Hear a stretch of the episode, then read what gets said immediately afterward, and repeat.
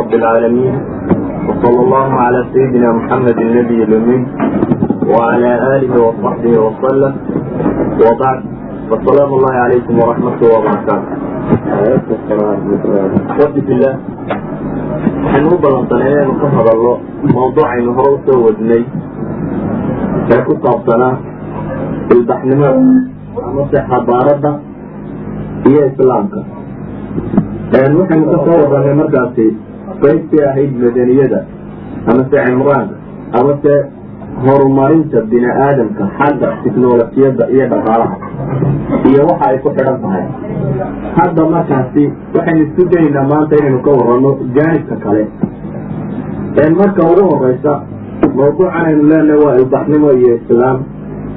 Waxaa iska ila dhibaato badan afkeenna soomaaliyeed oo uu ku yar yahay eray bixinta cilmiga. ah sidee daraaddeed aanan helaynin erayo lamida erayo badan oo cilmiya oo aan u baahan nahay inaan af soomaali ku sheegno. Isla markaa waxaa kaloo dhibaato ah maadaama qadiyaduba ay tahay wax ku saabsan afkaarta iyo waxyaabaha bini aadamku ay rumaysan yihiin. In in badan ba laysku khilaafsan yahay sida loo sharxo ereyga laftiisa. Oo intaynan odhanba yacni islaamnimadu yani xadkay ka joogta waxay isweydiinla marka horeba inu idhaahno ilbaxnimadu maxay tahay?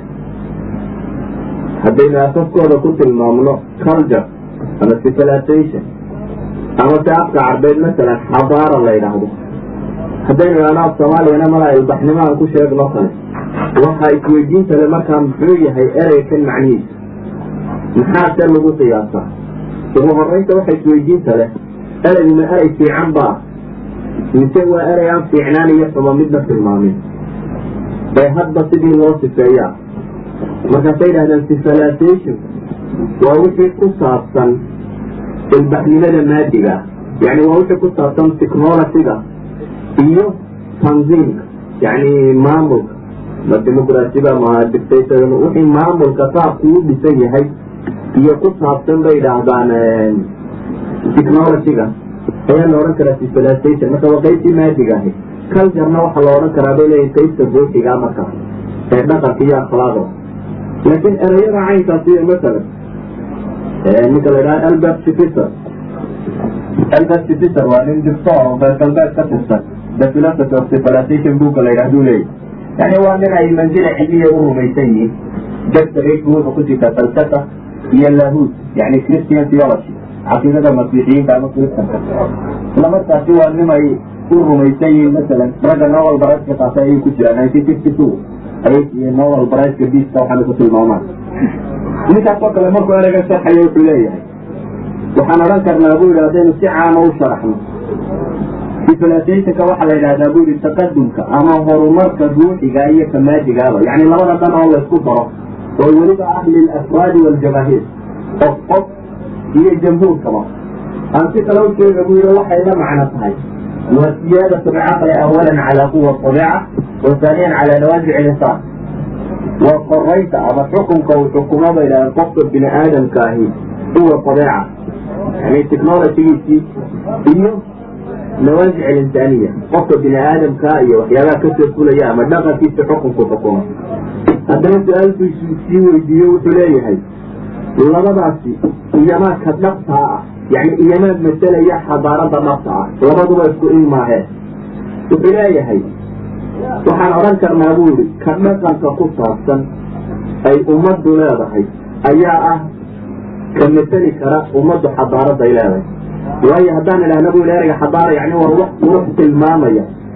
Horumarka laga horumaro buu yihi quwa dabiica ama technologyga laga horumaro ma aha khayr maxdiya buu yidhi wanaag barax tiran maayo xumaa loo adeegsan karaa yani technologygaaga horumaray waxna waad ku xumayn kartaa waxna waad ku wanaagsin kartaa maadaama uu labadiiba aqbalaya buu leeyahay isagu ma aha rukun asaasi ah ka rukunka asaasiga ahi wuxuu yahay ummaddu dhaqanka iyo caqiidada ay wadato dabeetana isagoo xadaarada reer galbeed aada uga cabanaya ama uga calacalaya ayuu wuxuu ku tilmaamayy yani wuxuu ku tilmaamay markaasi horta awalan wuxuu yihi ereyga cultur af jarmalka ah iyo ereyga loo yaqaano civilization. Germany markay dhaqankeedii bilaabaysa iyo waxaan horumarkeeda ayay in badan iyagu waxay isticmaali jireen buu yihi ereyga caldara qolada kale ka soo horjeeda faransiiska ahi waxay iyagu in badan isticmaalaan buu yihi ereyga civilisationa laakiin wax macno ay udhaxaysiyeen ma jira buu yihi labadaa erey macno taariikhiya iyo macno xaqiiqiyo lugawiya labada midna ma jira buu leeyihi ee waa un falsafa wixii loo dhaxaysiiya. Laakiin waxaa jiri karta buu yihi xadaarad akhlaaq leh ama dhaqan leh iyo mid aan dhaqan iyo akhlaaq soona lahayn ee iimaan li leh waxaan ku kala saari karnaa buu yihi markaasi ama aan odhan karnaa hadday dhaqan iyo akhlaaq wadato waa ilbaxnimo haddii aanay wadanin se ilbaxnimo maaha isagoo hadalkiisa sii wato wuxuu leeyahy in badan badan baan ammaanay buu yidhi yani reer galbeedkeena iyo waxqabadkiis iyo waxaa laakiin markaan runta ka hadla buu yihi waxaynu maraynaa wadaday caruurtu mari jirtay. Waxaynu la mid nahay buu yihi carruur gawaadhidoodii ka haysatay oo buur dheer korsiinaysa. Aan ogeyna buu yihi buurta dhinaceeda kale waxa ka xiga. Dabeetana inagoo eryaynu baynu xagga kale ka boodaynaa? buu yihi meesha ugu horraysa in waddadu ay ka weecsanto ama jarka markaynu ku soo baxnana ma xukumi karnee way nagala dhacaysaa buu leeyay yani wuxuu leeyahay markaasi dhankay u socotaa maaha dhan saxa. Isagoo hadalkiisii sii wato wuxuu leeyahay xadaaradda ama ilbaxnimada reer galbeedka buu leeyahy adna baa haysa dhibaato weyn baa haysata buu yihi dhibaatadu maaha buu yihi dagaalka yani isagu marku kitaabku qoriy wuxuu ka fakerayay dagaalkii koowaad ee dunida.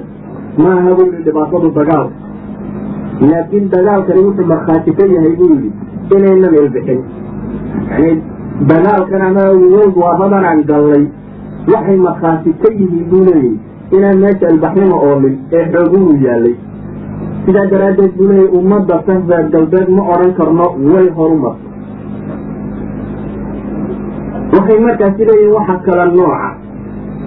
Wixii xabaaradda la odhanaya ama civilizationka iyo horumarkan technologyga. Ah leeya waxaa lagu qiyaasi karaa ama ummad waxaa la odhan karaa waxay horu martay dhankaasi dhaqanka iyo caqaa'idda iyo akhlaaqda markay ka horu marto mahmaa xagga kale ay ka horu marto hadday dhankaa dib uga dhacdo horumarkeedaas waxba kama jiraan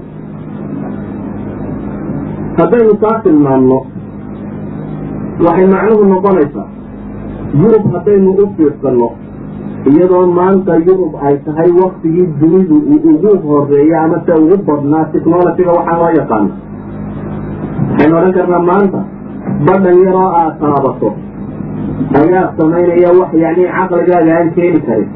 Badhan yaroo la taabtaabaa dayaxa lagu gaadha oo u ka boodaya. Badhan yaroo la taabtaabaa ninkii ingiriiska ka warramaya ama afrika ka warramaya hortaada unu soo fadhiisanaya.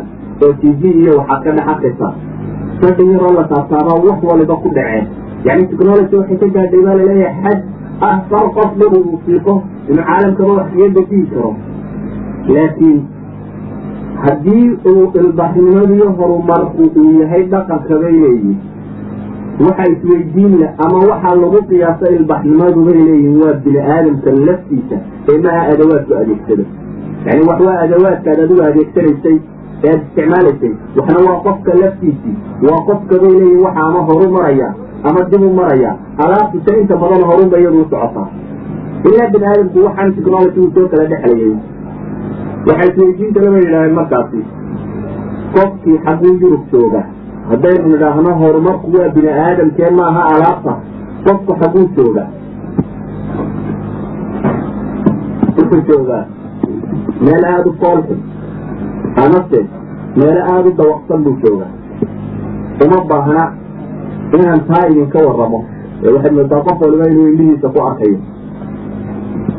Doctor rusdi fakar ninka la yidhahdaa wuxuu leeyahay insaanka maanta yurub joogaa buu yidhi.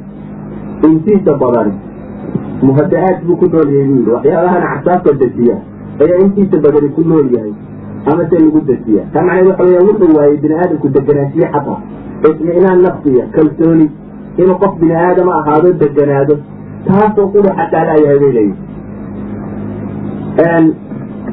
waxaanu leenahay haddii aynu leenahay ilbaxnimadu waata ku saabsan qofka bini aadamka ah waxa laaliya waxa maanta gacanteena ku jiro oo dhami ma tilmaamayaan ama technologyda yurub gaadho dhami ma tilmaamayo ilbaxnimadii rasmiga ahayd.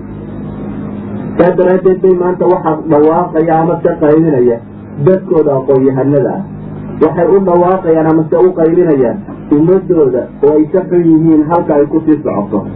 Matalan good ninka la yidhaahdo waa brofesorada ingiriiska nin ka mid a qismul falsafa buu haystaa. Buuguu qoro la ydhaha modern wickedness ama wuxuu kaga waramayaa buuggiisa. Ilbaxnimadan cusubay dhibaatooyinka keentay. Ayaa qiso nin buu wuxuu yihi maalin maalmaha ka mid a ayaan la kulmay filosof hindiya dabeetana waxaan jeclaystay buu yihi inaan u sharxo horumarka aanu gaadhnay filosofkii hindiga ahaa in badan waxaan u sharxayay buu yidhi technologiga yurub yaalla iyo sida uu horumartay iyo yacni yurub intay dunida ka horeyso. Oo aan horay buu yidhi bal inaan dareensiiyo ninka kani inna inuu qiimayn karo ilbaxnimadan yurub ay taallo. Waxaan kaloo eegayay buu yidhi bal fikraddu rumaysay in filosofkan hindiye ka yimid amase hindiga ee dhaqanka kala rumaysan wuxuu igu jawaabay buu yidhi jawaab aada u yaab badan leh. Waxay buu yidhi buu yidhi haddaad tiin reer galbeedka waxaa awoodi kartaan buu yidhi inaad sida shimbiraha u duushaan ceebka waxaa kaloo awoodi kartaan buu yidhi inaad badda sida kalluunka u dabaalataan laakiin mushkiladiinu waxay tahay buu yidhi sidii bini aadamkaa dhulka u socon kari weyday yani wixii kaloo dhan waa ka badiseen ee waxaa laydinka leeyahay buu yidhi inaad sidii bini aadamka dhulka u socotaan idan wuxuu tilmaamayaa inaanay waxa kan technolojiyada la xabaarad ahayn ee ay tahay yani technologygu wax bini aadamku kala dhaxlo inuu yahay shuruud gaarana ku xidhan waxaad moodaa muxaadaradii hore inaan kaga warramay shuruudda asaasiga waa in technology la oo aanay ku salaysnayn baynu idhi markaasi waxyaabaha badan ee badnaanta jeceliya inay ku saleeyaan waxay leenahay yurub way qaylinayaan oo maxay u qaylinayaan masalan gostof loogu ninka la yidhahdo qoraaga reer galbeeda kitaabkiisa la yidhaha asunani nafsiya litatawur lumam. Wuxuu kaga waramayaa xadaaradda reer galbeed waa nin reer galbeeda.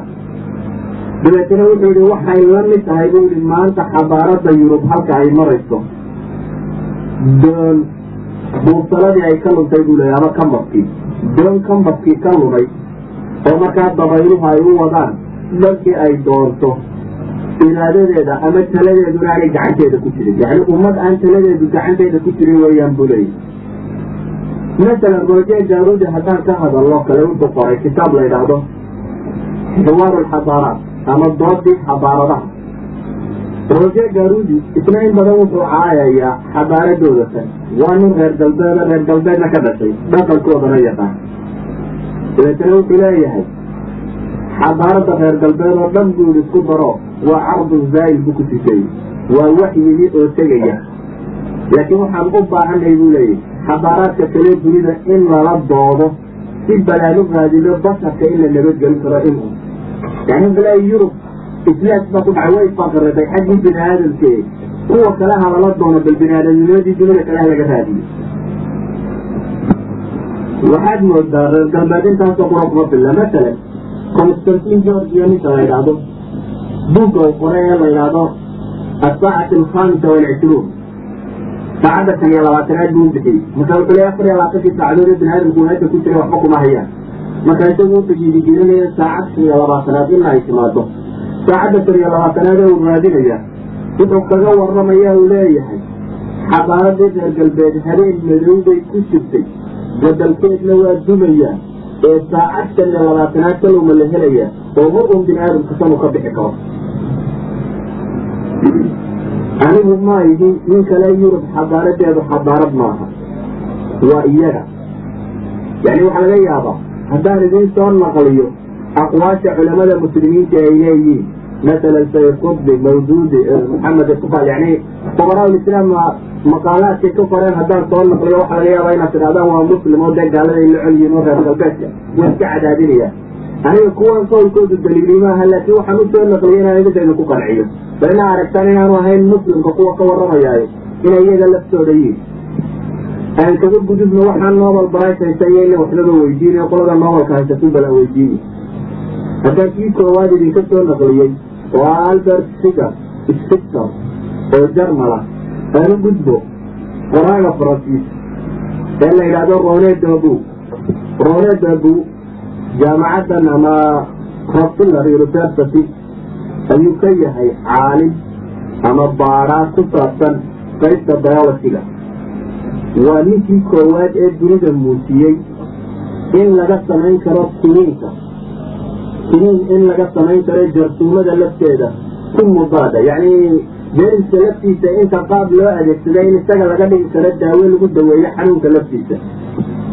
Waxaanu ku qaatay yani darajaadkiisa cilmiga haddaan wax ka tilmaamo. Aljaa-iza alcilmiya limarkas alculuum lilmuxuq ilhaadi bacifica uselka yani ururka cilmiga ama santarka cilmiga uselka jaa-izadiisa bolitster la ydhaahdo isaga ayaa qaatay kun sagaal boqol iyo sagaal iyo lixdankii wuxuu kaloo qaatay jaa-izada nobel brice kun sagaal boqol iyo lix iyo toddobaatankii waa professor muxaadir ah oo qoraacaana ah wuxuu qoray book la yidhaahdo so human and animal? Ninka tarjumay wuxuu bixiyey yaa liinsaaniyati hada alxayawaan buuggaasi dhammaantii wuxuu ugu baloorsiisayaa tichnologidan inuu cidlo ka tayo ee ina leeyahay bini aadamkii dhulka socon lahaa ee bini aadamka aha wuxuu leeyahay isagoo ka soo qaadanaya filosof maraykan oo hore weedhi yidhi xadaaradani buu yidhi ina alxadaarata alatii tasmax lilcilm bitaxsiini alqiyam almutacaarifi calayha walaa tasif biquwati hada alcilmi fi khalqi qiyam jadiid tudamiru nafsiha binafsiha leeyahay xadaaradda u ogolaatay buu yihi saynisku inuu burburiyo diintii iyo dhaqankii dadkuu haystay.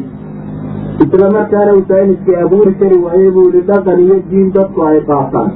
Waa mid iyadu isburburinaysa buu leeyahy diinta umadi ku dhaqmi lahaydna waa la burburinayaa wax cusub oo u ku dhaqantana looma hayo. Isagoo hadalkiisa sii wataayo wuxuu leeyahy waa cilmiga iyo tiknolojigu waa aalad buu yidhi. Aan akhlaaq lahayn khayr iyo sharbatooona loo adeegsan karo. Waxaanay ku xidhantahay qofka adeegsanaya haddii qofkii lala yahay buu leeyahay. Aaladdu qiimo ay leedahay ma jirto. Aan doogowna bal intaas kaga dhaafno. Aan u sallayno caalim kaloo reer galbeed.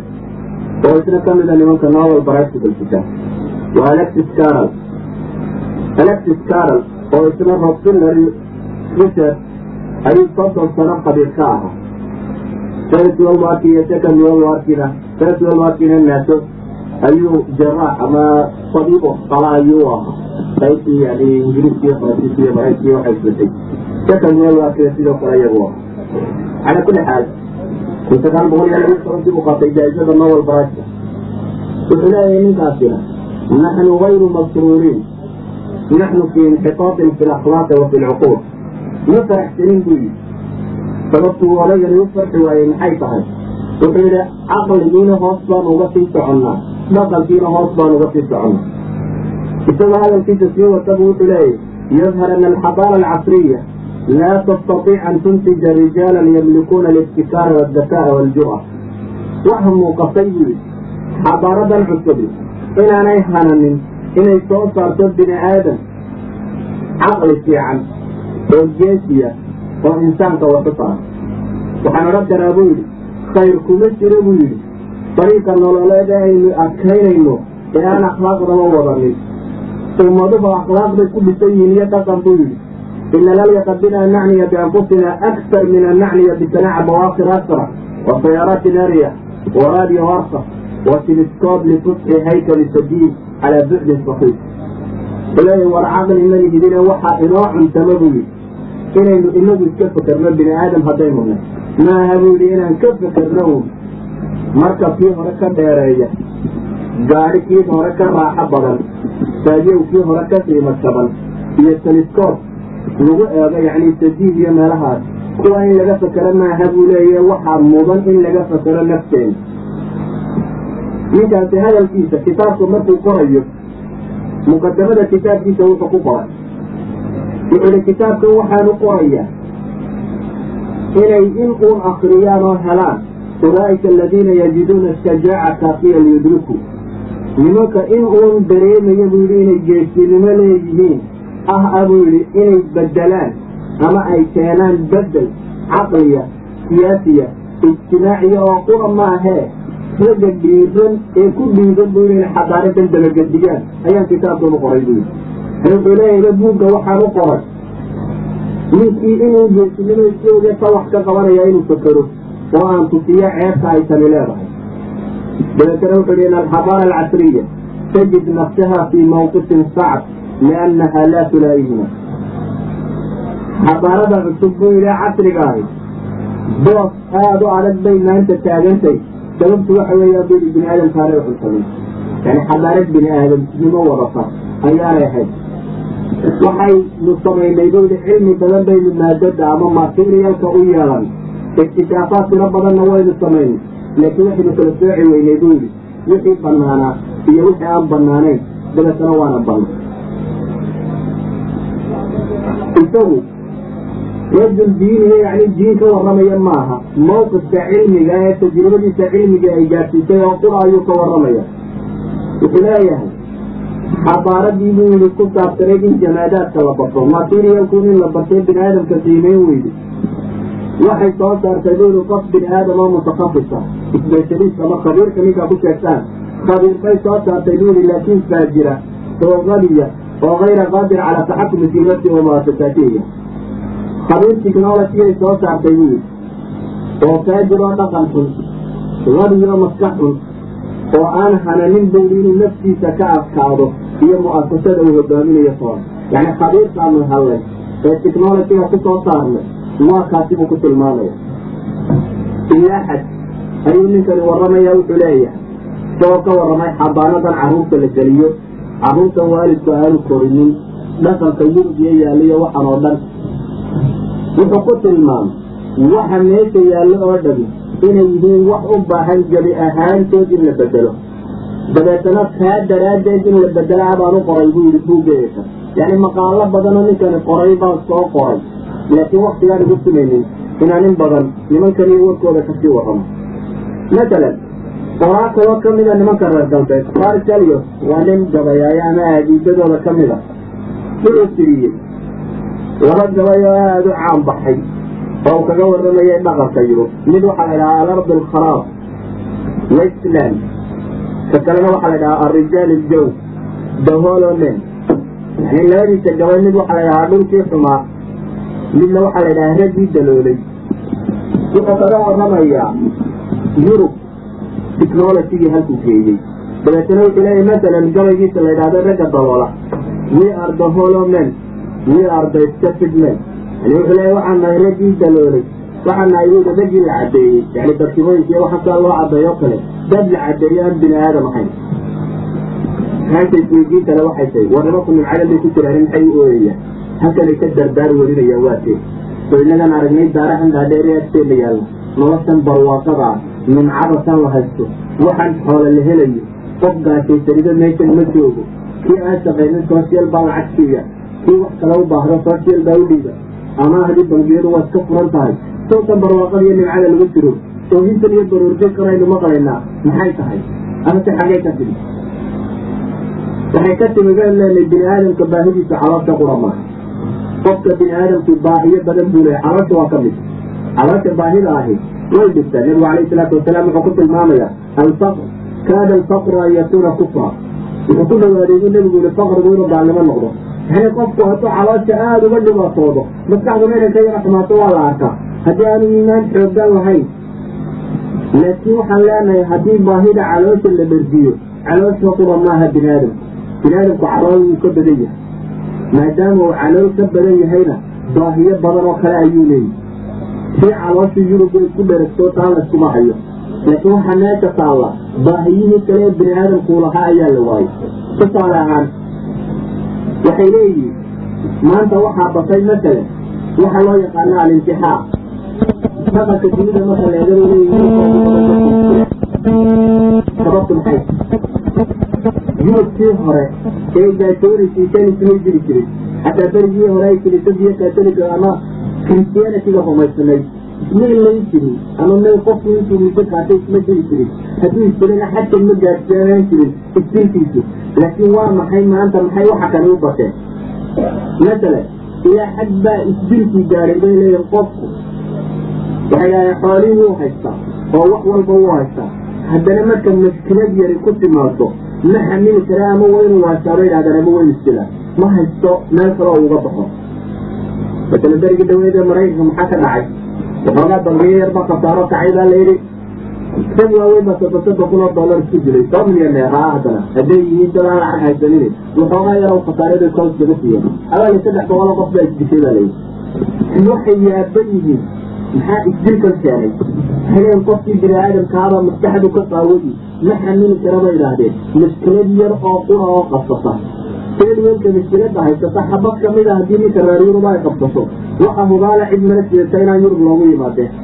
Amase qof nool inaan loogu yimaadeen. Ama wuu isdili lahaa ama waa maxay? Wuu waalan lahaa. Imtixaankii siduu yani ma ahaba markaan idin leeya waa la istilaa qof ma aha qof hadday tahay dhibaato maaha. Dunida meel walo la joogaba waa la arkaa qof istilay. Akrinku qof maaha. Waa mujtamac dhan oo waxa kanu diyaara masalan bugaagta bestsellarka waxay idhahdeen bugaagta ugu fiican galashada waxaa ka mida buug la idhaahdo final exis buug muxuu ka warramaya wuxuu ka warramayaa qofku inuu isdilo qaabkii aada isu dili lahayd ee uga sugogaabuu sharxaya waxaa la ydhaha waa final exidki iyo waa khuruujkii u dambeeyaa dunida kaga baxaysay dabeetana wuxuu kuu balballaadhinayaa kuu fubaydinayaa sidii hadday maskaladi ku qabsato. Aada isu dili lahayd. Qoraa ceeb maaha oo lagamaba yaabo yani fii nadarihim innaga waaba laga yaaba agteena inuu kuxun yahay iyaga agtooda kuma xuma. Lamana yaabaniin buuggaasoo kala mindaro laakiin waxa yaab kale muxuu yahay maxaa ka dhigay bestseller inuu noqdo buuga ugu badan ee dadku iibsada.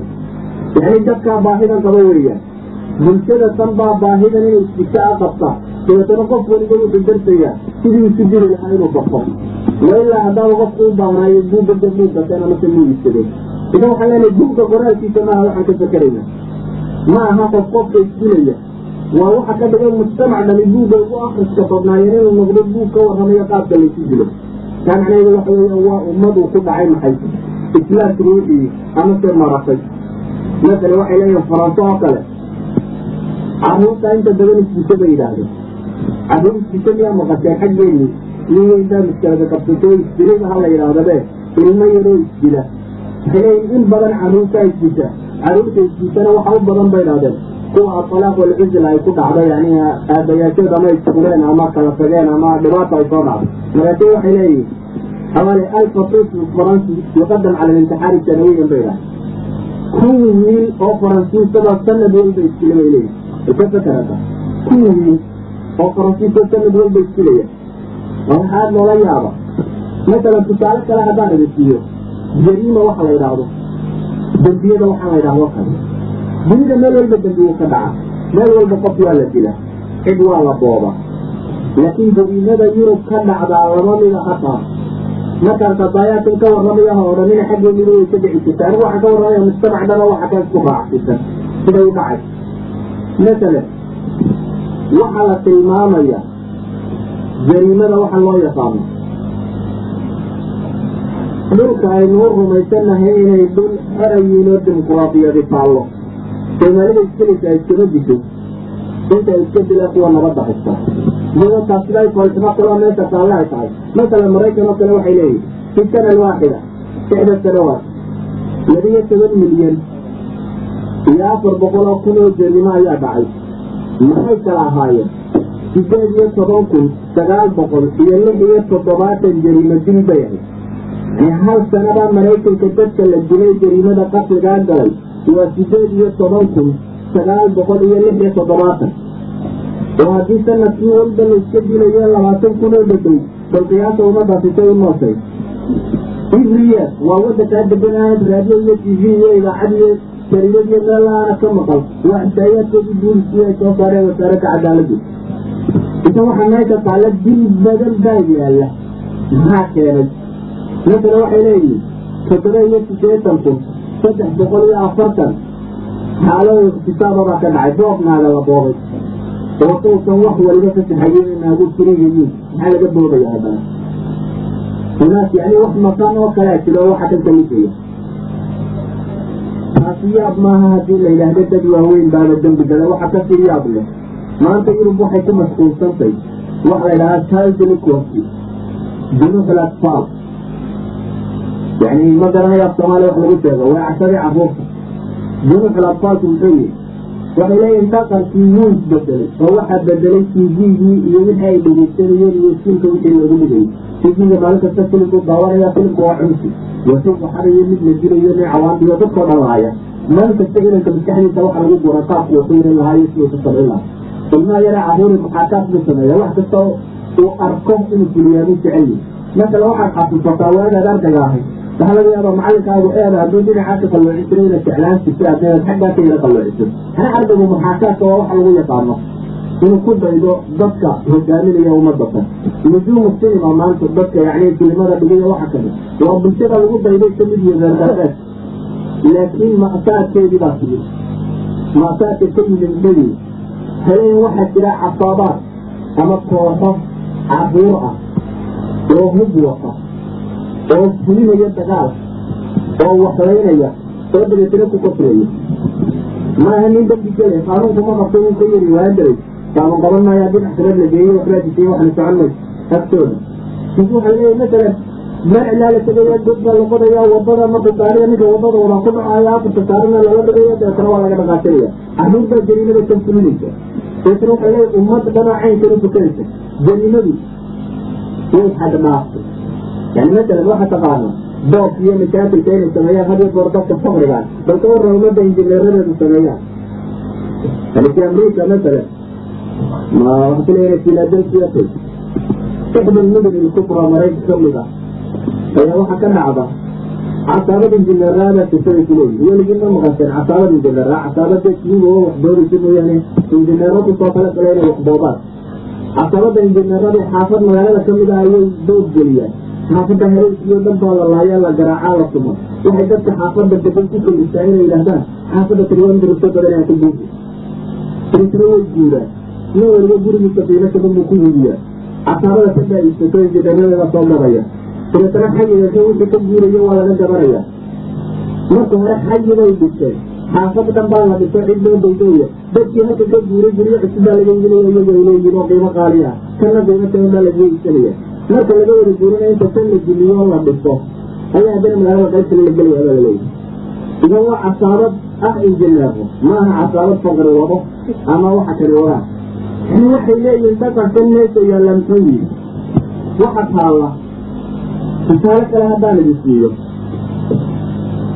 waxay leeyihiin masalan dadkii markuu maadadii ka quustay ayuu khuraafadii wareegay inaga xaggeena waxaa la yidhaha waxoogaa qardaasa iyabaynu xidxidhanaa waxoogaa iyo khuraafaadka waxoogaa iyabaynu wadanaa laakiin waxay leeyihiin suuqa caalamka ugu weyn ee lagu iibiyo qalabka khuraafaadka ah yani tanaa-imta iyo waxaa la xidho lagu iibiya maraykan buu ku wayaaba inaad tiraa ummadii ilbaxday maxaa qardaasaa ku xidxidhayo qoryaha iyo waxa kale waa laga quustay wixii kale technologiga inta laga quustay ayaa haddana xagga kan loo wareegay waxaan leenahay isku soo dar xabaarada tani way baaba'aysa masalan liverpool site ninka la idhaahdo maxamed asad buu la baxay markii dambe intuu islaamay waa nin yuhuudi jarmala ah wuxuu qoray bug la idhahdo islaama discotral wuxuu ku leeyahay buuggiisa reer galbeedyada alle ma diidano si dhaba uma diidana buu yihi laa tajxad ilaha fii sida wasaraaxa xoog uma diidana buu yihi walakin laysa fii nidaamiha alfikriyi mawdicun lilahi fi lxaqiiqa buu yihi laakiin nidaamkeeda fikrigaa iyo dhaqankeeda ilaahay booskuma laha buu yihi dadku haddaad tidhahda buu yihi ilahay ma rumaysantiin. Qaar waxaa laga yaaba inay ku yidhahdaan buu waxba kaboga qaarna inuu ku yidhahda sunderlaag jiran way iska jiraa already laakiin buu yihi nololkiisa qaybtu bale kaa jira uu sheegaya laa tacrif lahu faa'ida walaa tashcur bixaajatin ilayhi. Buu yihi inuu faa'ido leeyana uma rumaysna baahina uma qabo. Yurub buu yihi insaanka yurub degan buu yihi isku dar buu yihi kiisa dictaadoorka ah iyo kiisa dimuqraadiga. ah kiisa raasamaaliga iyo kiisa balshatiga ama shuuciga ah kiisa weermaanka yihi iyo kiisa mufakirka ah waa kulligood buu yihi hal diin oo ka dhaxaysaa jirta.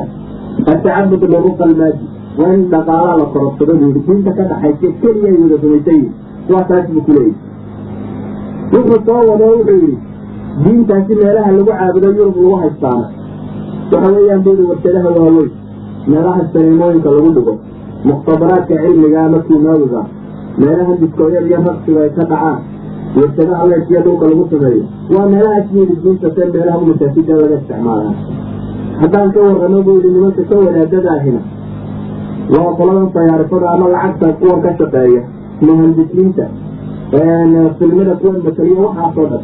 Idan wuxuu leeyahay ilaahay hadday rumaysan tahayna booskumale soo dhugay waxaasoo dhan waxay ahaayeen waxaan ku tilmaamaynay inaan leenahay xadaaradii rasmiga ahayd lama hayo. Waxaan u weecanayaa markaa qayb ka dejisan warka yurub oo dhan aan ka faro. Aanu gudbo maxay tahay haddaba xadaarada maxaanse ku qiimayna waxaan leenahay xadaarada insaankaa qiimo u ah. Kulamaa insaanku uu horumaro ka horumaro caqliga ka horumaro caqiidada iyo waxa uu rumaysan yahay ka horumaro dhaqanka iyo akhlaaqda ku dhaqmaya.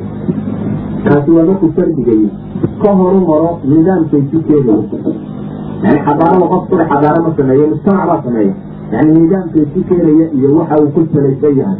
Kaas baa xadaaraha baan leenahay bal kaasi iyo islaamku wuxuu ka qabo ayaan jeclahay inaynu mawduuceena rasmigaa ka dhigana amase ka hadalna. Haddana waxaa joogta salaadii maqrib ay ku tukan.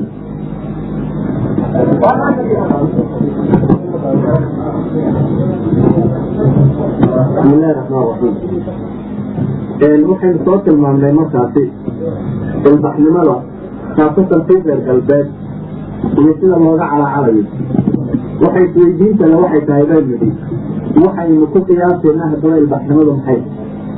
Haddaynu dad tajribay sameeye kitaabay sameeyeen reer galbeedkii kitaabadoodii waxay leeyihiin waanu ku khasaarnay. Iyagaa yidhi waxay isweydiintana markaa waxay tahay maxay baa u baahan inaynu ku qiyaasno ummadda ilbaxday amase ilbaxnimadu maxaa qiyaaso ah? Maxaa lagu eegi karaa la odhan karaa ummadda tani markaasa ilbaxday waxaynu nidhi waxay idhahdeen bin waxa dunida kor saaran bini aadamka ugu qiimo badan qofka bini aadamka la idhahdo sidaa daraaddeed ilbaxnimadu waa inay noqotaa bay leeyihiin wax ku saabsan qofka bini aadamka iyo horumarkiisa waa inay noqotaa wax lagu qiyaasaa insaanka dhaqankiisa iyo wuxuu rumaysan yahay hadba haadkay marayaan iyo xidhiidhka ka dhexeeya bay yidhahdaan insaanka iyo kownka intiisa kale iyo xidhiidh ka dhexeeya qofka bini aadamka iyo qofka bini aadamka kale. Haddaan dhan kalaba ka marno waxay idhahdaan waa su'aalahay asxaabi falsafa u isweydiin jiray. Waxay jirta bay dhahayn su'aalo asal ah oo falsafaduba ay isweydiiso in kasta ay jawaaba soo weyday su'aalaha asalka ay isweydiisaa waa maxay waa qofka bini aadamkii muxuu yahay. Dawrku nolosha ku leeyay maxay tahay? Mustaqbalka iyo masiirkiisa dambe xaqu ku gabagabooli doonaa muxuu yahay. Waa su'aalo u baahan yani waa su'aalo ku saabsan kownka ciddii abuurtay ilaahay nolosha kownka iyo qofka bini aadamka xidhiidka ka dhexeeya intaas muxuu waxay leenahay qofka bini aadamkaas mar kastoo uu horu maro waxyaabaha khasaaista ah uu leeyahay. Mar kastoo ay horu marsaba insaanku uu horu maro mar kastoo ay dib u dhacdo masalan inuu qofka bini aadamka bini aadamka xidhiid la yeesho inuu la sinaado inuu cadaalad kula noolaado inuu xukum shuuraa yeesho inuu caqaa'id fiican yeesho inuu dhaqan sameeyo akhlaaq fiican sun inuu sheego ballanka oofiyo waxaasi markay horu maraanna wuu horu maraa cagsigoodu markay yimaadaanna uu dib u maro insaanka ilaahay wuxuu qur-aankiisa ku leeyahy walaqad karamnaa bani aadam ilaahay wuxuu yihi reer nebi aadam oo dhan waan karaameeyey karaamadani maaha mid mu'minka oo quri leeyahy waxaa yidhi ibnay aadam walaqad karamnaa bani aadama baa ilahay yidhi reer nebi aadam say u leeyihiin waan karaameeyey baa ilahay yidhi وxmlnahm fi اlbr wاlbaxr وrazqnahm min الطayibaat وfadlnaa calى kasiiri miman khalaqnaa tafdiila baa ilahay yidhi wax badan oo aan abuurayna waan ka sarraysiiyey baa ilahay qofka bini aadamka la idhahdo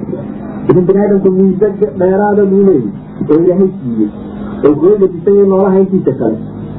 Waxa uu noolaha intiisa kale kuga gadisanyay markay horu maraanna wuu horu maray hadduu noolaha kale dhaqankooda ku noqdo waxay leeyi wuu mara noolaha kale dhaqankooda hadduu qaato wuu dib mara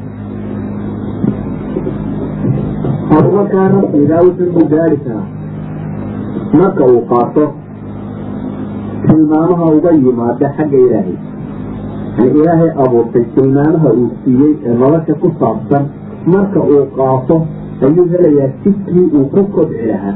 Hadday tay mid dhaqaale hadday tay mid iqtisaadiya hadday tay mid dhaqan iyo ummad hadday tay mid caqiide ilahay wuxuu leeyahy afaman yamshi mukiban calaa wajhihi ahdaa aman yamshi sawiyan calaa siraatin mustaqiim war dadka baa yidhi kuwa madaxa ku socda iyo kuwa lugaa ku socda igama hanuunsan baa layidhi yani labaduba waa bini aadam laakiin suluugoodi iyo dhaqankoodii baa kala gedisan waa laba qofoo bini aadama ka haddaba madaxa ku socday baa layidhi iyo ninka cagaha ku socday farqa udhexeeya maxay igama hanuun badan baa ilaahay aayad kale ilaahay wuxuu ku leeyahy hal yastawi alacmaa waalbasiir am hal tastawi ulumaatu wannuur indhoolaha iyo ka indhaha qabaa miyay sila baa ilahay yidhi subxaana watacaala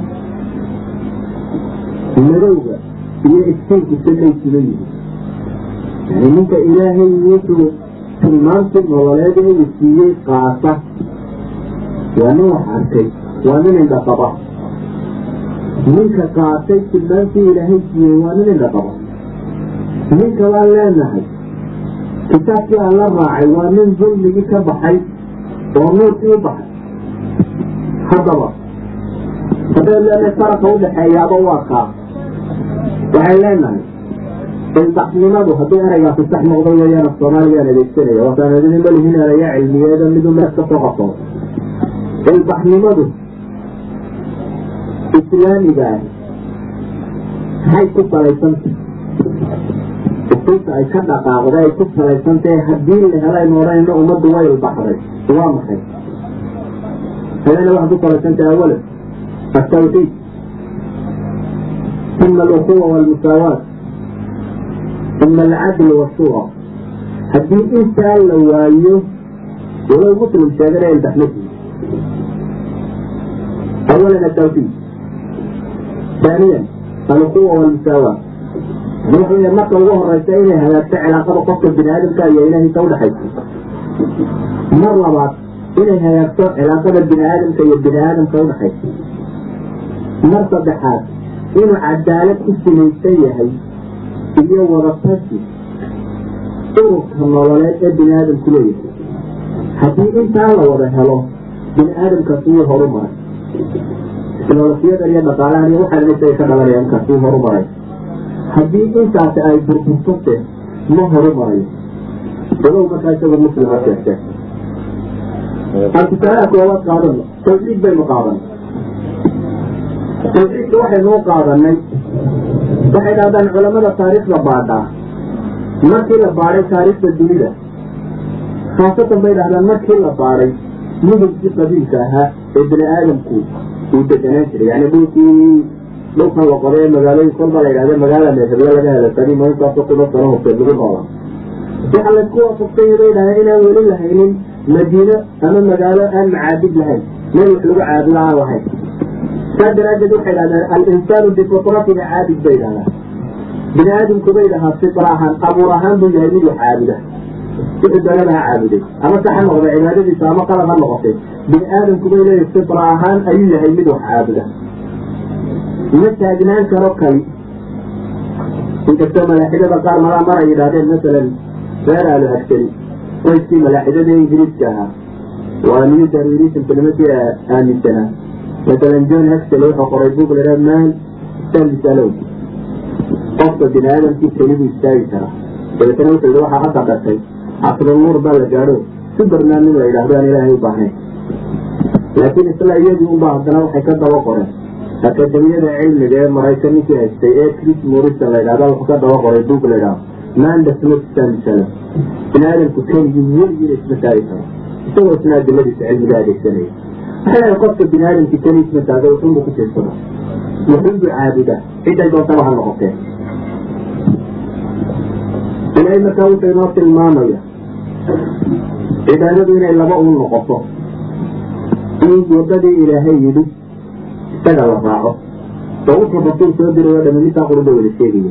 Aadam ilaa muxamed inta ka dhexle calayhim asalaatu wasalaam laakiin wado kale oo tiro badan iyadu faracyo badan le inay jirto dhammaanteedna iyana xagga shaytaan iyo jahanamo ku aroorta ilahay markaa wuxuu leey alam acad ilaykum ya bani aadama anlaa tacbudu shayطaan inahu lakum caduwun mubiin waan icbuduunii hada siraatu mustaqiim wuxuu leey bini aadama ballan baan idinka qaado inaan ballayna ka qaadin baa ilahay leey ina aniguna caabudaan oo idan caabudin shayطaanka warkaasi baa ilahay yihi subxaana watacaala waa cadowgiinii ee ha raacina tawxiidka ama caqiidadu waa waxa markaasi uu ku salaysmo dhaqanka ummadi ay leedahay dhaqanku wuxuu ka soo fulaa fikradda iyo waxay dadku rumaysan yihiin.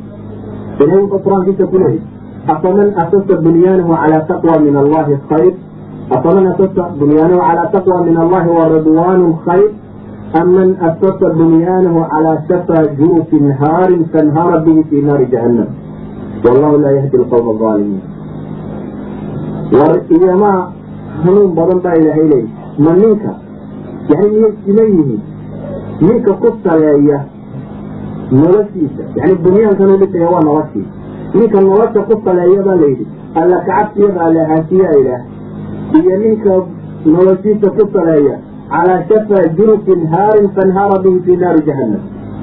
Bedgedi sii dumaya ninka wax ka dhista daar ninka gedi awalba sii dumaya ka dhisa ee uu kuna duma buu ilaahay yidhi jahanama iyo miyay simayin ninka ilaahay raallaanshiyiisa ku dhista wa yani ma sina insaanku markaa min xaysu alcaqiida marka laga bilaabo inuu wax ka sarreeyo isaga caabudo iyo wax ama lamida ama ku hooseeyo inuu caabudo labada mid weeyaan mar hadday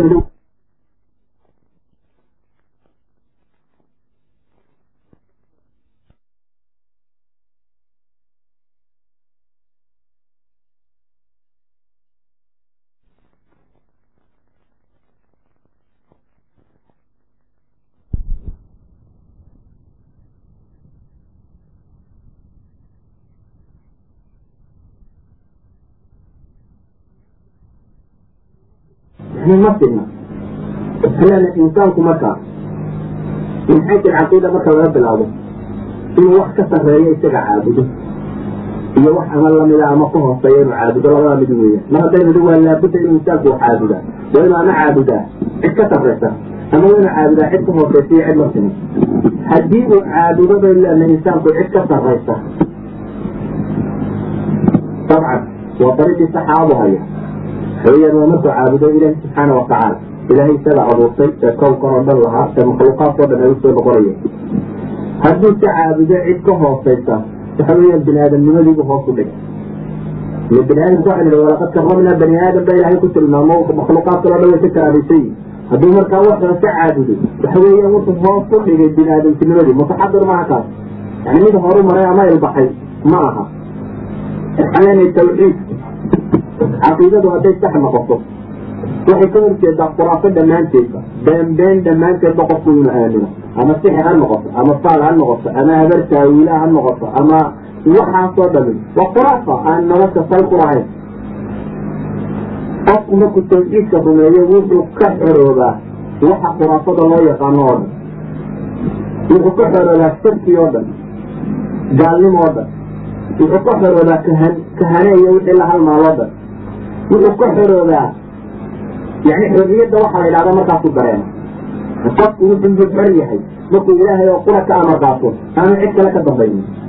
Ama intuu cid kale ka dambeeyo dambaynta la yaqaanaan ka warramaya mid maamul kama warramayo. Macnaheedu waxa weeyaan ma aha xor ama macnaheedu waxa weeyaan qofku ma horumarin nolol gaara buu leeyahay xayawaanku qofka markaa nolosha ka soo dhaca ah inuu ilaahay caabudo ee nolosha kale soo dhaca ilaahay wuxuu ku tilmaamaya inay noloshii xayawaanka tahay taawa xun xun ama nolosha caloosha ka fakertaa inay ta xayawaanka ugu rabay maasa ilahay wuxuu leeyahy aladiina kafaruu yatabatacuun wayaakuluun kamaa taakulu lancaam wannaaru maswan lahum. Kuwa gaaloobay baa ilahay yihi waxay isaga raaxaysanaya ama wax u cunayaan. Sida xoolahoo kale mujarad baahida caloosha ay xooluga ka warwaraan unbay ka warwarayaan ba ilahay leeyahy baahiyaha kaloo dhanna way ilaabayaan ilahay wuxuu ku tilmaamayaa lahum quluub laa yaftahuuna biha walahum acyun laa yubsiruuna biha walahum aadaanun laa yasmacuuna biha adawaadkii loogu talagalay inuu insaanku dhaqankiisa iyo nolosha fiican u adeegsado dhan way xidhayaan ba ilahay caqliga ma isticmaalayaan indhaha kuma isticmaalayaan maqalka ma isticmaalayaan kuwan waa xoolahoo kalun bu ilahay yani ma isticmaala xooluba inay ku isticmaalaan baa jirta. Oo inuu bahalka kaga cararo inuu da ku daydaydo. Dhagaha iyo indhaha da xooluba inuu ku isticmaalaa jira. Laakiin intaa in ka dheer baa la eegaya inaad ku isticmaasho haddaad insaan tahay. Alena markaa qofka bini aadamkaa wuxuu horu maray. Marka uu ka xoroobo wixii aan ilaahayn subxaana watacaala markuu caqiidatu tawxiid rumeeyo marka ay noqoto isaga iyo bini aadamka kale waxaa isku xidha wuxuu isagu doorasho u leeyahy aanay noqonin qiyam ardiya oo dushiisa lagu xukumo. Waxaan leenahay mar kastoo xagga xayawaannimada dhaqanku uu kor uga sii kaco oo xagga bini aadamnimada u sii kaco waa horumar ama waa ilbaxnimo. Mar kastoo xagga bini aadamtinimada uu hoos uga soo socdo oo uu ku soo noqdo dhaqanka xayawaannimadana waa dhibumac masaal waxay dhahaan xidhiidka ka dhexeeya ninka iyo gabadhu waa waxyaabaha xaasimka ah ee xukumaday leeyihiin ilbaxnimada ummadda. Qaabka uu ninku ula dhaqmayo gabadha ama gabadhu qaabka ay ninka ula dhaqmayso xidhiidka ka dhexayn karaa xidhiidkaasi xidhiid insaaniyana wuu noqon karaa. Mid xayawaaniyana wuu noqon karaa. Hadduu ka insaanigaa noqdo yani waa horumar hadduu ka xayawaanigaa noqdo yani xayawaanku waa baahida jinsigaa wuu qaba laakiin haddii sida xayawaanka aada u gudato waa dib u dhac haddii sida bini aadamka aada u gudatana waa horumar baa lagu tilmaamaya waxaan leenahay nooluhu masalan dhagax dabeetana geed dabeetana xayawaan dabeetana insaan baa la gaadha qofku marka uu ka noqdo nolosha bini aadamtinimada wuxuu ku noqdaa nolosha xayawaannimada. Hadduu taa ka sii quustana sida dhagxantuun buu noqdaamata ilaahay wuxuu markaa ina baraya tusaalaha ugu badan ee qur'aanka iyo axaadiista ku soo aroora. Waxaa laynoogu misaal qabtaa markaynu soo samayno xayawaan ama waxla nooca. Si laynoo dareensiiyo xidhiidka ka dhexeeya bini aadamka iyo xayawaannimada si laynoo dareensiiyo inaynu xayawaannimo ka kobocno oo u kobocno bini aadamnimo markaasaa masala ilaahay wuxuu leeyahay marka uu insaanku xaqa ka jeesto ilahi wuxuu leeyahy famaa lahum cani tadkirati mucridiin kaanahum xumurun mustafira baa ilahay waxay leeyihiin ay waanada uga jeesanayaan baa ilahay waxaanad moodaa farow la firdhiyey ama cararay dameer dabadeed cararay.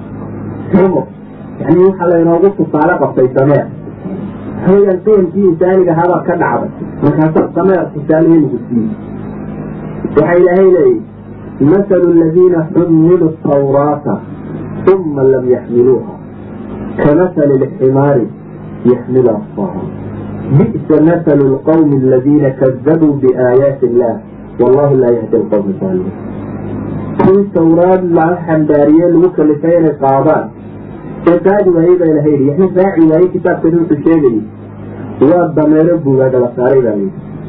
Yani qiyamkii insaaniga ahaabay ka dhaceen oo waxay u noqdeen maxay darayso bini aadamnimada ka hooseysa oo dameerka ah. Masalan qur'aanka waxaa ilaahayna tusayaa luqmaan oo wiilkiisii la dardaarmaya toban waano ayuu farayay wiilkiisa oo kula dardaarmayay waxaa ka mid ahaa inaanu ilaahay ugu shiriik yeelin ina shirka la dulmun cadiim buy waxaa ka mid ahaa waanooyinku luqmaan wiilkiisa siinaya markaas inaanu mid qayliya noqonin.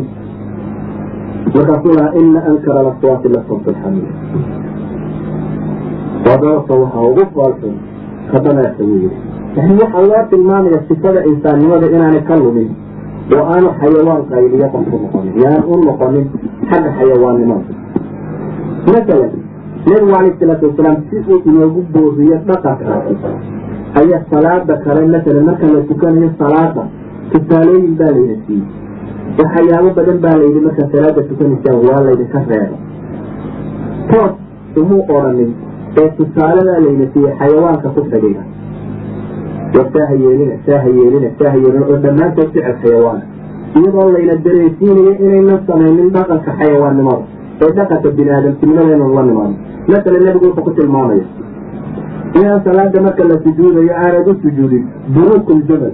Sida awrku u fadhiistaa u fadhiisaninay awrka la sheega masalan wuxuu ku tilmaamaya iltifaatu saclab ha yeelamina. Salaada markuusa dawacada habaa la daymoonina dawacaa la sheega masalan waxaa la tilmaamaya ifcaau lkalb sida aygu u fadhiistaa ha u fadhiisanina masalan waxaa la tilmaamaya iftiraashu lkalb qofku markuu sujuudayo inaanu sida ayid u soo fadhiisatoo kale. Yani inay dhudhumadaadu dhulka ka kacsanaadaan oo sacabadaadoo quri dhulka yaaliin waa sida eyga istiraasha kale wuxuu nabigu tilmaamaya ka dhacaysa markay casaafo oo salaadii casa ee ay sii dhacayso ayuu afar tukadaa buu yidhi anu inta badan ilaahay xusi sida sukuhu u qodqodle sukuhu aad fiisidii markuu wax qaadayo in badan ma uma maqnaado ee markiiba intuu qaadaadu dabeetana foogaa baa la daymoodo wax iska eega sida sukaha qodqodleynina baa layidhi saa wax u qaadanin masalan ninkan imaamka ka hor sujuuday waxaa la yidhi miyaanu ka cabsanayn magaciisa alla madax dameer ka dhigo kullu dalik waa maxay?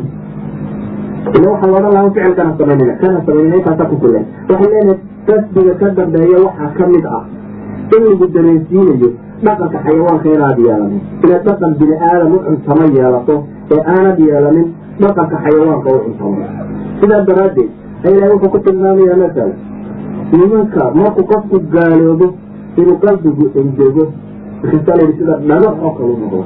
Yani sifadii bini aadamnimada wuu ka baxay weeyaan oo wuxuu u baxay maxay? Sifadii jamaadkaba uma quluubuhum min bacdi dalik fahiya kalxijaara masalan ilaahi subxaana watacaala dareen buu ina siinaya nimanka munaafiqiinta laydhaha marka tusaalaha laynaga siinayo waxaa layidhi iyagu waxay u dhigmaan loox weliba looxu maru faa'iide leeyaa jirta ee markuu jira faa'iidada iyada ilahay soo qabtay. Loox meel iskaga tiiriyey looxa haddii daarta lagu dhiso ama dhismo ku jiro ama meel yaallo faa'iida iyo manaafacaad buu leeyahy meel iskaga tiirto iska yaallo dawa khasaare wax faa'iida u leeyahy ma jirto.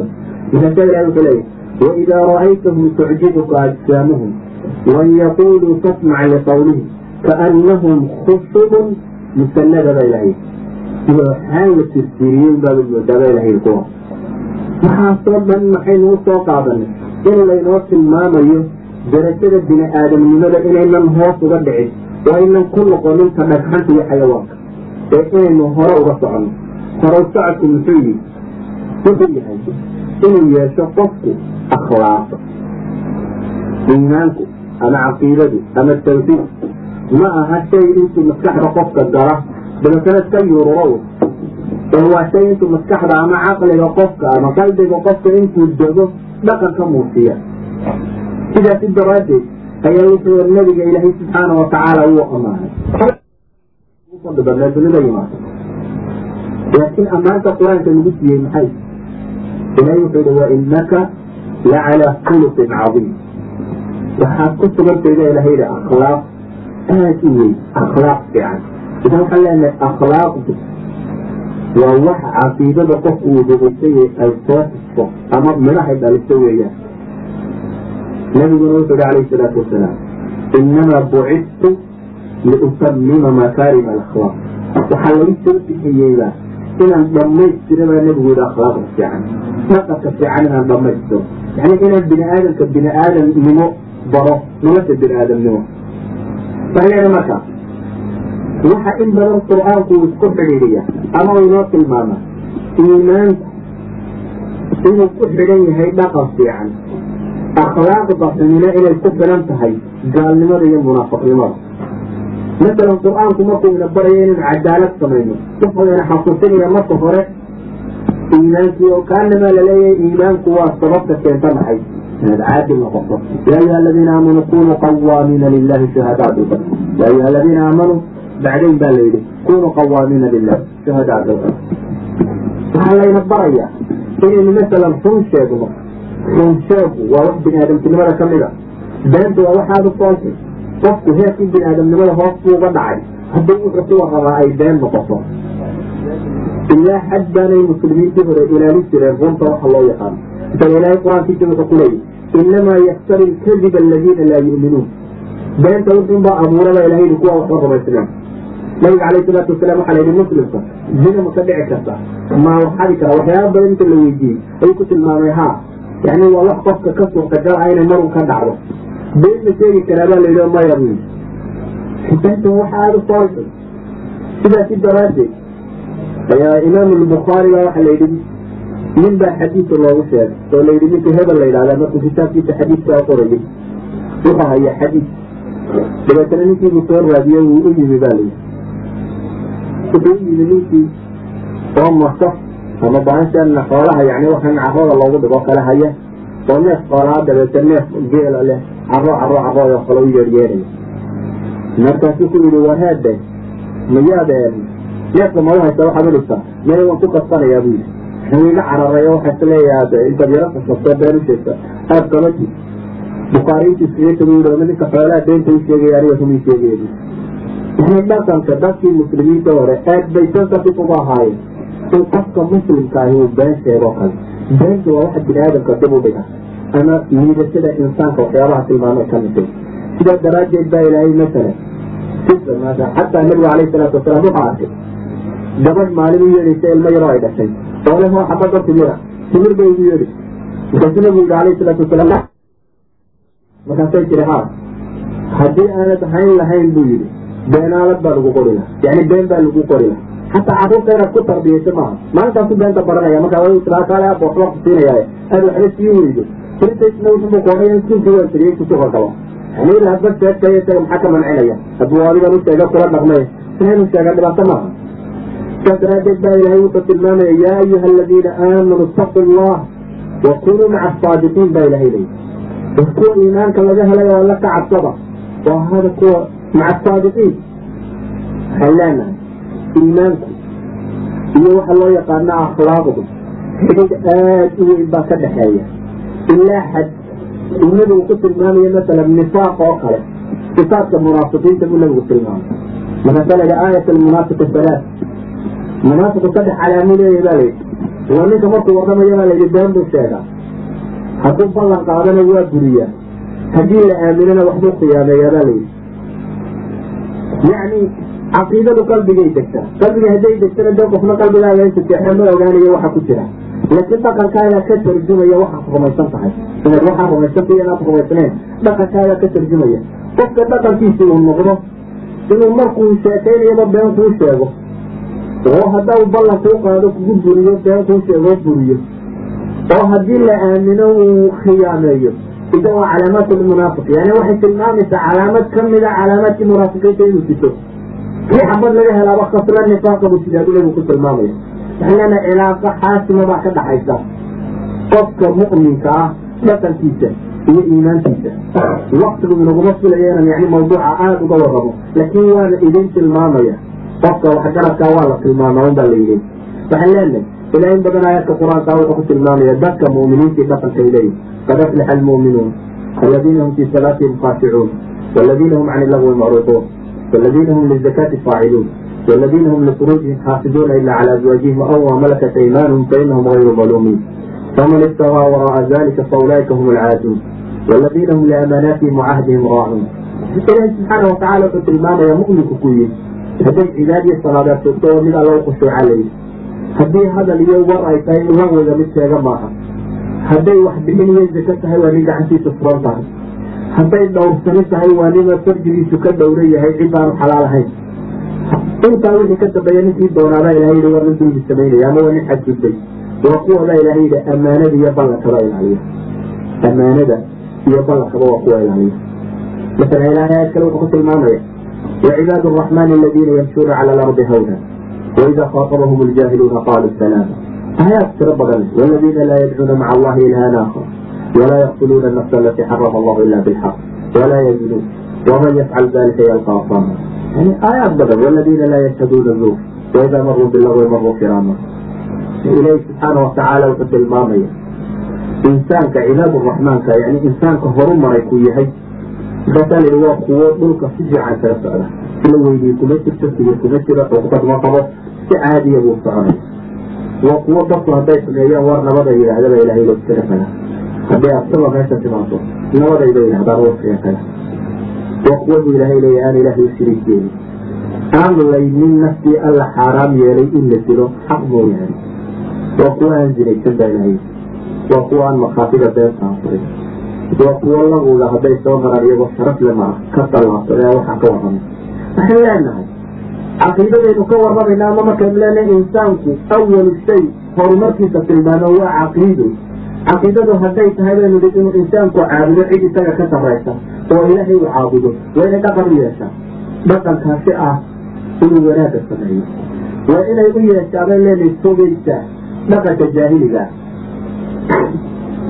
dhaqan baa jira u ilaahay subxaana watacaala ku tilmaamay inuu dhaqan jaahiliya yani markay caqiidadu inxiraaftay dadka caqiidadu ka lunto dhaqamaa laka muuqdo lagu garto. Masalan reer shucayd baa ilaahay inooga warramay ama qoomamkii nebiyadii hore. Tawxiidkii ugu yeedhay alla rumeeya markay tawxiidkii ka hallaabeen dhaqamada xumaayo ka muuqday muxuu yahay oo uu nabigaas ka waarinayay walaa tanqusu lmikyaala waalmiisaana inii araakum bikhayr yani niman baac mustalaama economy wada bay ahaayeen. Laakiin waxay ahaayeen qolada falsafada aan rumaysan economiga diintu meel lagama soo baxo.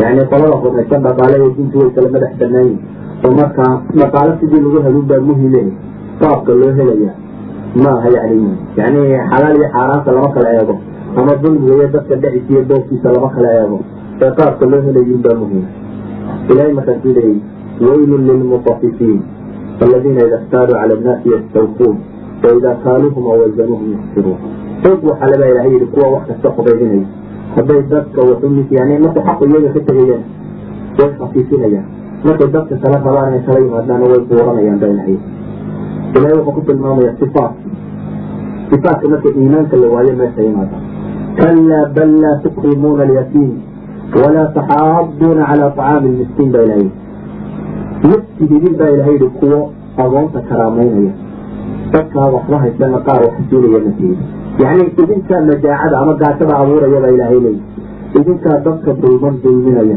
idinkaa agoonta iyo casuurta iyo waxmahaysatada doogaya taa macneed waxa weyaan insaannimadaadi baa hoos u sii socota. Walacalla waxaa laga yaabaa inaad sawiraysaan oo leediin malaa dhaqamada qaarkood reer galbeedkaaba inooga dhow laakiin dhaqamada daahirka aha eegi ee in badanoo ka sii farxun baa jirta. Tusaale ahaan haddaan isiiyo masalan gabadha ladhahaya soskaas oo ahayd musaacid secretary alumam almutaxida mishriina nabci silaax waa gabadhii gargaaraysay ama secretariga u ahayd umam almutaxida arrimaha ku saabsan yani hubka dhibidtiisa waxay leedahay nafaqaadka duwalku ama xoolaha duwalku ay ku bixiyaan hubka waxay gaadhaa alf milyaar dollar marka laga bilaabo yani qabla caam alf watisciin waa thousand bilyan markaasa waxay leedahay iyadoo gabadhu ama bilmasal taqriir taqriir ay soo saartay الرئيس السابق للقسم الاقتصادي في الوكالة الأمريكية للرقابة على الأسلحة ونزع السلاح وحي يراده إن النفقات العسكرية بلغت في عام 1985 800 من 800 مليار دولار بينما بلغت في نهاية عام 1986 1700 مليون دولار في الدقيقة وهي تمثل حوالي 100 مليون وظيفة في العالم خلال haddii bay ku tilmaamayaan masala nafaqaadka si kale hadda u tilmaamo waxaa lagu bixiya baa layidhi daqiiqa waaxida one minute xoolaha ku baxa bay idhaahdeen loolanka hubeed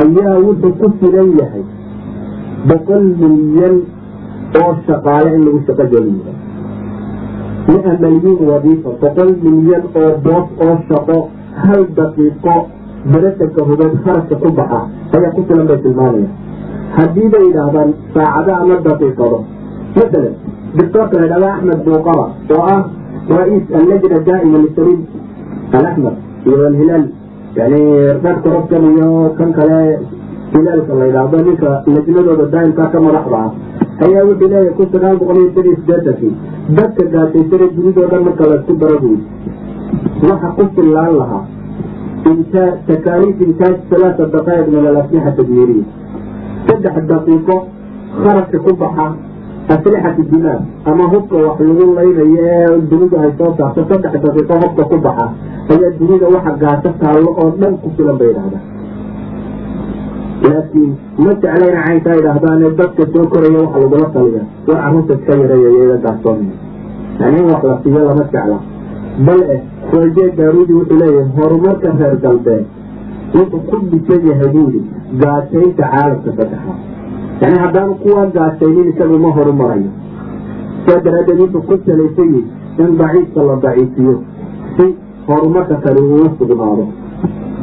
Waxay leenahay bini aadam bini aadamtinimada uma diyaaraha maanta watan siday u taallo dhammaantoodooda laakiin ilaahi subxaana watacaala wuxuu ku tilmaamaya haddii dhaqamadaas ay idinka yimaadaan yani dhaqamo jaahiliya inay tahay oo ku fiican inay idinka baxaan.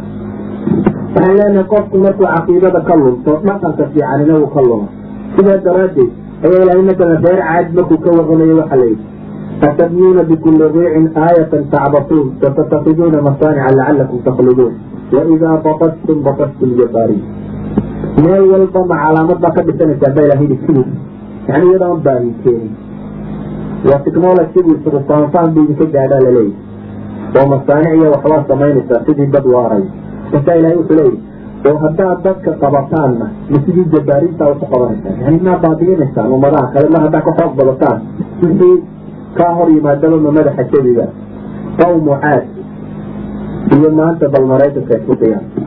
Labadaba caqiidadun baa ka luntay dabeetana dhaqanka ka soo fulaa waa isku mid maanta maraykan waa kaa duliska caalamka ee ciddii hadalkala tidhaahda madaxa jebinaya laakiin ilaahay baa horoo tilmaamay. Kalla ina alinsaana layadqa an ra'aahu istagna baa ilahay bini aadamku baa ilahay yihi waa mid kibro oo qooqa hadduu arko inuu beersoodo hadduu xooga isdigo oo xoolaha helo se uu caqiido saxa waayo waa mid kibrada ilahay yihi subxaana watacaala haleen haddii caqiidada saxa ahay ay lunto maadaama idhi caqiidada saxa dhaqan baa ka soo baxa umadileedoo tilmaamayaana ka tarjumaya horumarka ummadda.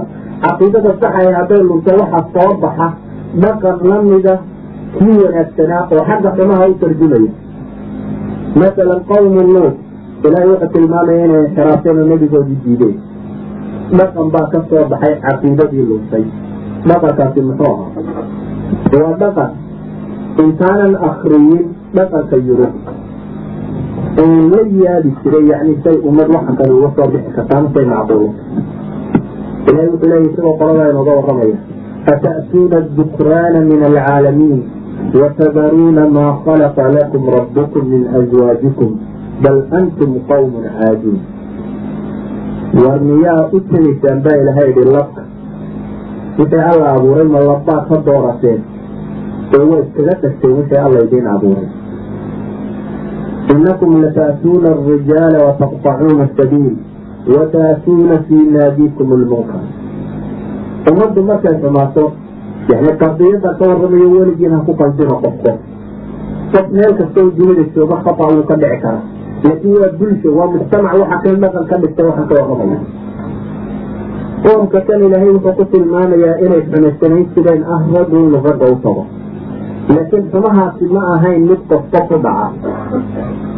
Ma ahayn mid meel qarsoon ku dhaca ee hadduu meel qarsoon ku dhaco ama qof ku kooban iyo labiyo saddex iyo waa wax bini aadamka dadkooda qaldama ka suurtagaltay laakiin dhaqan bay lahaayeen kaa ka gedisan dhaqan bay lahaayeen ah goobta sirka in laysku tuuro.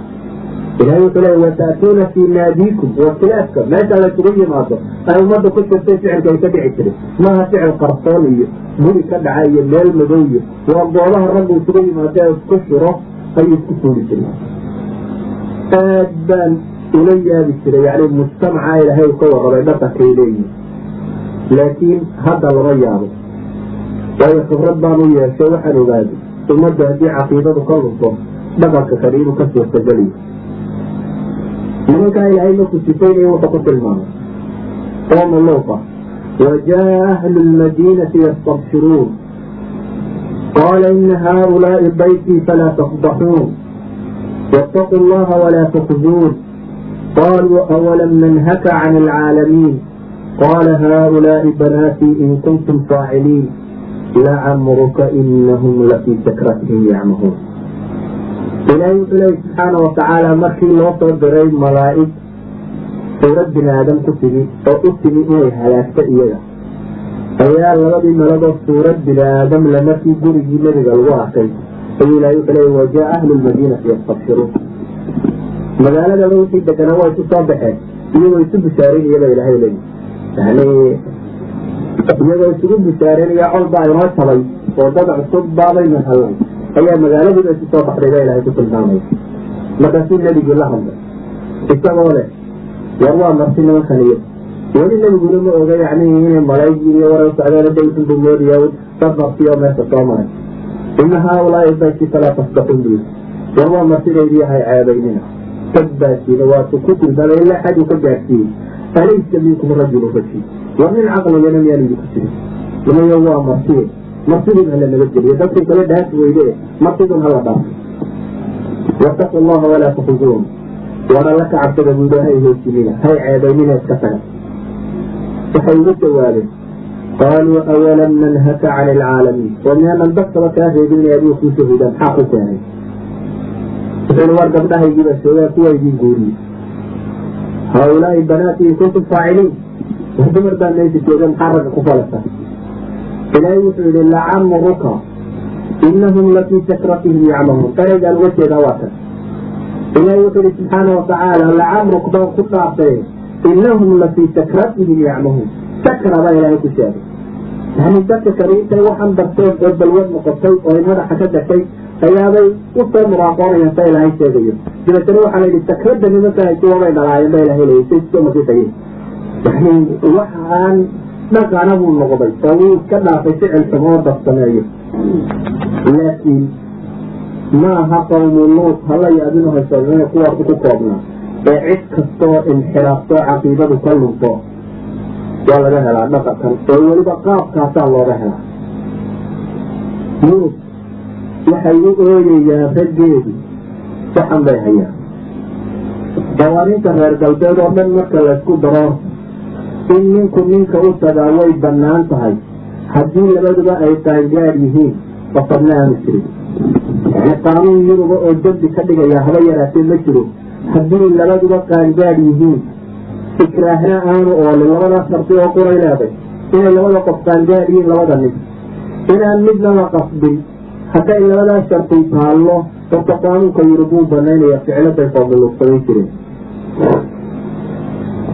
waxa ka sii daran haddii ficilku dadka xun uu ku kooban yahay oo la yidhaahdo dad xun baa sameeya bulshada kale waa nadiif eed ma ahaateen laakiin waa cilmiyatul qowm dadka waxa samaynaya waxaa jira kiniisado iyo macaabid ilmadaa loo dhigtay in ilaahay lagu caabudo laakiin fuliya inay isu guuriyaan nin iyo nin gabadh iyo gabadh xaflad weliba loo qabto yurub dhexdeeda. Ama maraykankaba bal eh skandinaviankanaynu ku nool lahay. Denmark baarlaman dhan oo ummad u taliyabaa shiray oo isku raacay go'aanka ah in ninka ninka loo guuri karo. Waa baarlaman ma aha dadxun ama qof yar ama qof caadiya dhaqa ka dhacay waa ummad dadkii hogaaminayay. Bal eh waxaan daawaday maalin maalmaha ka mid a film documentaria oo ah bress conferencekii uu qabtay. Dood ama wadaad wadaad kala guursaday oo dabeetana bress conference qabtay. Oo la wareysanayo dhaqanka si uu dhaqankan ka rumaysan yahay iyo kiniisada si isugu maamulo. Waa wadaad waa weliba bress conference maaha yani meel madow wax kuma samaysan. Xafladii uu qabtay baa laga soo qayb galay oo bress conference ah. La yaabi maayo qowmu luut maadaama aan arkay masalan maraykanka waxaa jirta jaamacad la yidhaahdo sir james williams university. Minax daraafiya baa jira ama scholarship baa jira ama daraasaad baa jira aan la siinin. Ninkii dhaqankaa yaqaan mooyaane nin waxaa shardiya daraasaadka noocaasa haddaad ka baranayso meeshaasi inaad dhaqankaa taqaano haddii kale inaan lagu aqbalayn caqiidadu hadday inxiraafto bini aadamku xayawaankunbuu la mid noqdaa waxba ma kala sooco. Yaabi maayo maanta qoomu luuq la yaabi maayo hadday maanta dunida joogaan muqaataca dhan gobol dhan masalan canada gobolka qudic la yidhaahdo oo gobollada ugu waaweyn saddex wasiir oo daftoo doorteen oo wasiir goboleed ah ayaa qoomu luuq ka tirsan. Wax lala yaabayo makama noqon. La yaabi maayo maanta haddii xisbi laxraar liberal baartiga ingiriis ra'iiskiisii hore hadduu ku faani jiray inuu ahaaba nin ka tirsan qoomuluug waa nin baarti hogaamiya liberal baartiga hogaamiya.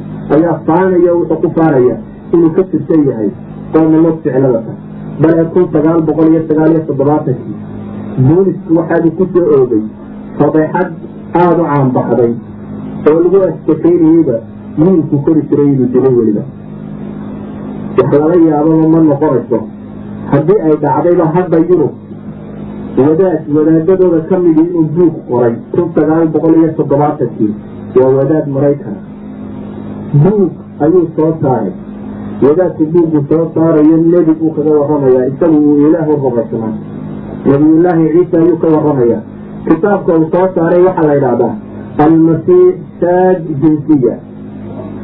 Nabiyullaahi masiixba qoomuluusu ka mid ahaa buu leeyay waa wadaad dhan oo ummad hogaaminaya lama yaabayo qowmuluut haddii ay maanta jirto masalan readers digest wuxuu qoraya urur dhami inuu ka jiro los angeles oo la yidhahdo jimciyatu rangio waa shan kun oo codmo buu leeyay ururka shicaarkiisa yani waqadan yare shicaarka ciwaanada lagu qorqorto shicaarka uu urarkani faafiyo waxaa la yidhahdaa aljins fi thamina qabla fawaati lawaan sadas by eight or too late ayaa cinwaanka la yidhaahdaa lama yaabayo qowmu luut haddii ay jirtaba. Brofesors inta t v-ga laga sii daayo fikradda nimankaa iyagoo ka warramaya leh caruurtay u fiicantay in lagu xadgudbo. Waa brofesor laleeya waa psychiatrist dabeetana wuxuu faafinayaa fikrad uu damacsanya inuu dadka ka dhaadhiciyo. Oo leeya carruurta intay sideed ka yartay hala qoro haddii kale waa mustaqbalkoodaada madoobaanaya. Lama yaabayo. Haddii ay jirto maanta batan urur dhan oo ka jira maraykanka qaybta waqooyi oo la yidhaahdo the north american man pilot association waa jimciyad dhan oo readers digest waxay leeday jamiic anxaai wilaayaat almustaxida furuucday ku leeday baydi ilahay qur-aankiisa wuxuu ku yidhi البلد الطيب يخرج نباته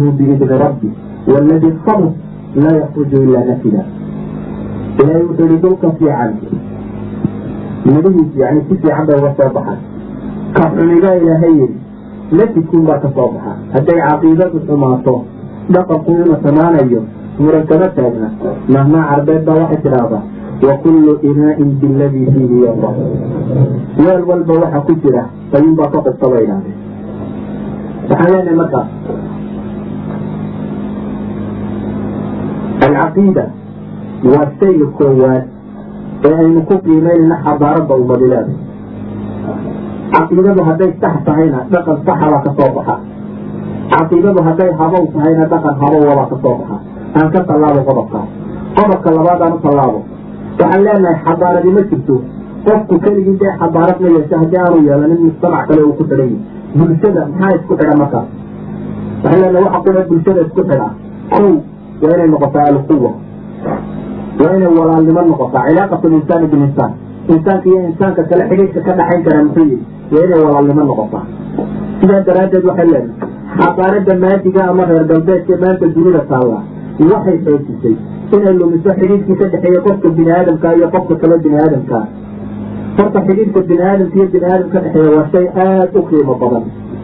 Waxay leeyihiin waxay xoojisay xadaarada maadiga dunida maanta taalla inay lumiso xidhiidkii labada qofka bini aadamka ka dhexeeyey waxaanay ka door biday inay xoojiso xidhiidh ka dhexeeya qofka bini aadamka ah iyo qaladka ama xayawaanka tusaale haddaan weysiiyo marka hore insaanku inuu insaanka ku xidhnaada waa masale muhima culamada qaanuunku waxay yidhaahdaan ciqaabaha ugu xooga badan lee wax lagu ciqaabo waxaa ka mid ah alxabsu linfiraadi wax la yidhaha in qofka lagu xukumo xabsi keliya. Kelinimadu markaa maxay tahay waa in lagaa ilaaliyo mujtamaca qofkaasi bay leeyihiin walow maa nimco oo dhan lagugu haddii kol lagu fadhiisiiyo oo wax nimco dunida yaallo laguu dhigo maxluuqin baa fi nadar alqaanuun sababtu waa maxay waxaad la adagay leeyihiin xiriirkii bini aadamka yani assacaada noloshii o dhan way kaa maqantay insaanku markaa alaabta kuma mustareexo oo wuxuu ku mustareexaa waxa weeyaan xiriirka uu bini aadamka kale la leeyahay haddaad bini aadamka weydo wax kastoo aad haysataa waxay doonaanba ha noqdaane waxay leeyihiin qofkaas waa maxbuub. Xabsi ku jira. Laakiin waxay leeyihiin ciqaabta caynkaasi iyo waxaa fulisay bay idhaahdeen alxadaara almaadiya fi uruba xadaarada maadiga yurubba waxay dadka ku xukuntay. Ciqaabta ah xagsiga infiraadiga ah qofku inuu shaqada galo oo ka baxo oo qol yar keligii galo waanu nolosha dadka kale waxba xidhiidha la yeelanin waa xagsi infiraadiyaday ku jiraan oo ay ku xukuntay bay leeyihiin xadaarada meesha taalla waxay idhaahdeen wax allaaliyo waxa t v-gu sheegaya iclaana iyo war iyo waxaan la akrinayo dhami waxaa loo akrinayaa in qofka iyo alaabta la isjeclaysiiyo t v-ga u fiirso shantii minid ba waxbaa laga xayaysiinaya saabuun kabo nacnac waxaanad u baahnay baas yaryar oo ciidda ka badan baa laga xayaysiinaya. Kullu daalik macnaheedu waxay tahay inay xadaaradani waxay xoojinaysaa inay qofka iyo alaabta isku xidho waxay liidaysaa bay leeyihiin in qofka iyo qofka laysku xidho in bini aadamka cilaaqa ka dhaxaysaa la liidaya oo waxaa la xoojinayaa qofka iyo alaabta si xidhiid looga dhaxaysiin lahaa xad bay gaadhsiiyey baa la leeyahay markaasi ay degeen caqligii dadka. Oo waa maxay? Caqliga dadka way degeen baa layihi sababtu waxay tahay bay idhahdaan waxaad tagtaa guri kasta oo qof bini aadami degay oo yurub ku noole ama meelaha kaleba waxaad baadhaabay idhahdaan alaabta uu haysto inta uu baahan yahay intaanu u baahnayn gurigaada markaad gasho kabar weyn baa yaalla labaatan dhaloo yaroo kala waaweyn konton koodoo kala sarreeya. Intaasu biloodad midna aada wax ku falin. Sanadkii haddaad u baahato maalin baa laga yaabaa qof ku yimaada inaad isticmaasho. Haddii maalintaa loo baahdo saaxiibkaaga kugu xigaba laga soo heli lahaa. Sababta waxay tahay bay leeyihiin waxay xadaarada tani xoojisay. Inay adiga alaabta ku jeclaysiiso laakiin waxay liidisay bay leeyihiin in qofka la jeclaysiiyo qofka bini aadamka ah idan waxay xadaaradani isugu geysay cudud iyo awood waxay lahayd oo dhan in adiga iyo alaabta laysku kiin xido oo aad ka lunto bini aadamka haddii in uun markaa uu soo hadha bay idhaahdaan meel kaa banaan kalgacalkaagu waa in laguu kaxeeyaa bay dhahay xagga xoolaha. Waa inaad ama eeg yeelataa ama bisad yeelataa.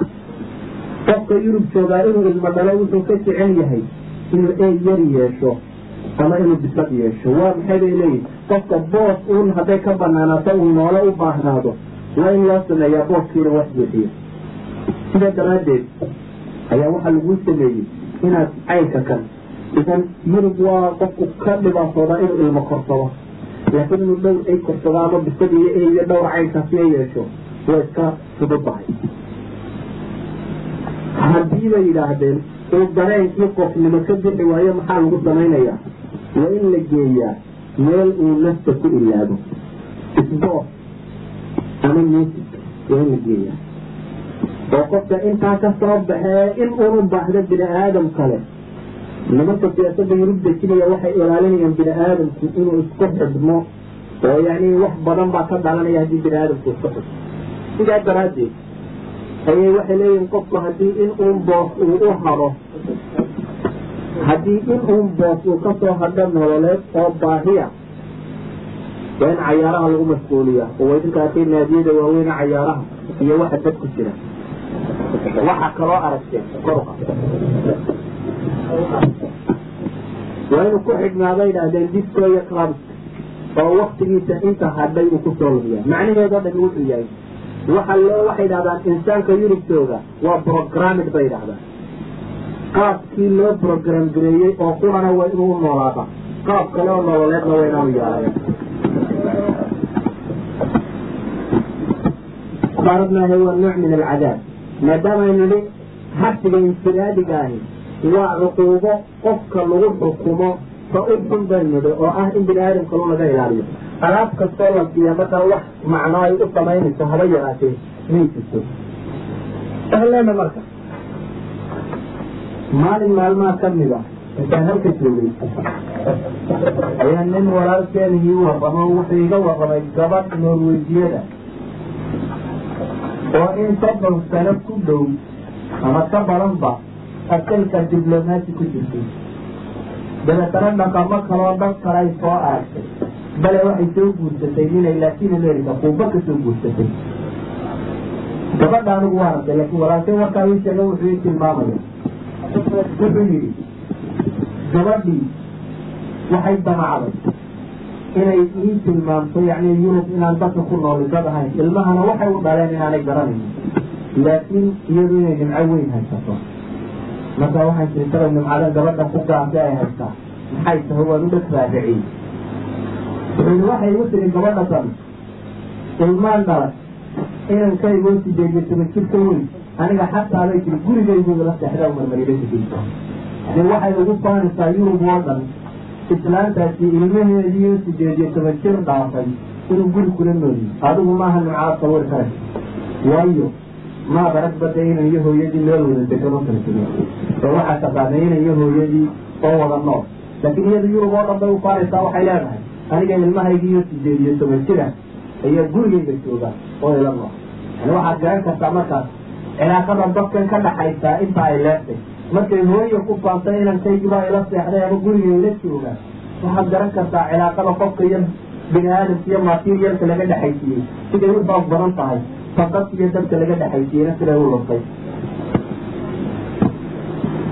nimanka soomaaliyeed ee wadanka jooga nin kamida faysa ayaa wuxuu yidhi brofesorkii ii dhegeyadooda cilmulijtimaac sociology yani cilmiga dadka iyo saa loola dhaqmayo xidhiidka dad ka dhexeeya ayaa wuxuu igu yidhi bu yidhi jaarkaygii lix bilood maan arkay ama qof bay guriga ku wadi jireen jaarka aayad buu leeya lix bilood maan cilmulijtimaacna waa ninkii khabiirka wahayo dhigayay dadka iyo say dadka u wada noolaadaan ayaa lix bilood jaarkiisa ahay xadaarada yurub waa xabsigaasi ah baynu leenahay alcuquuba alisfiraadiya baynu leenahay waa xabsiyada u xun ee bini aadamku qabo.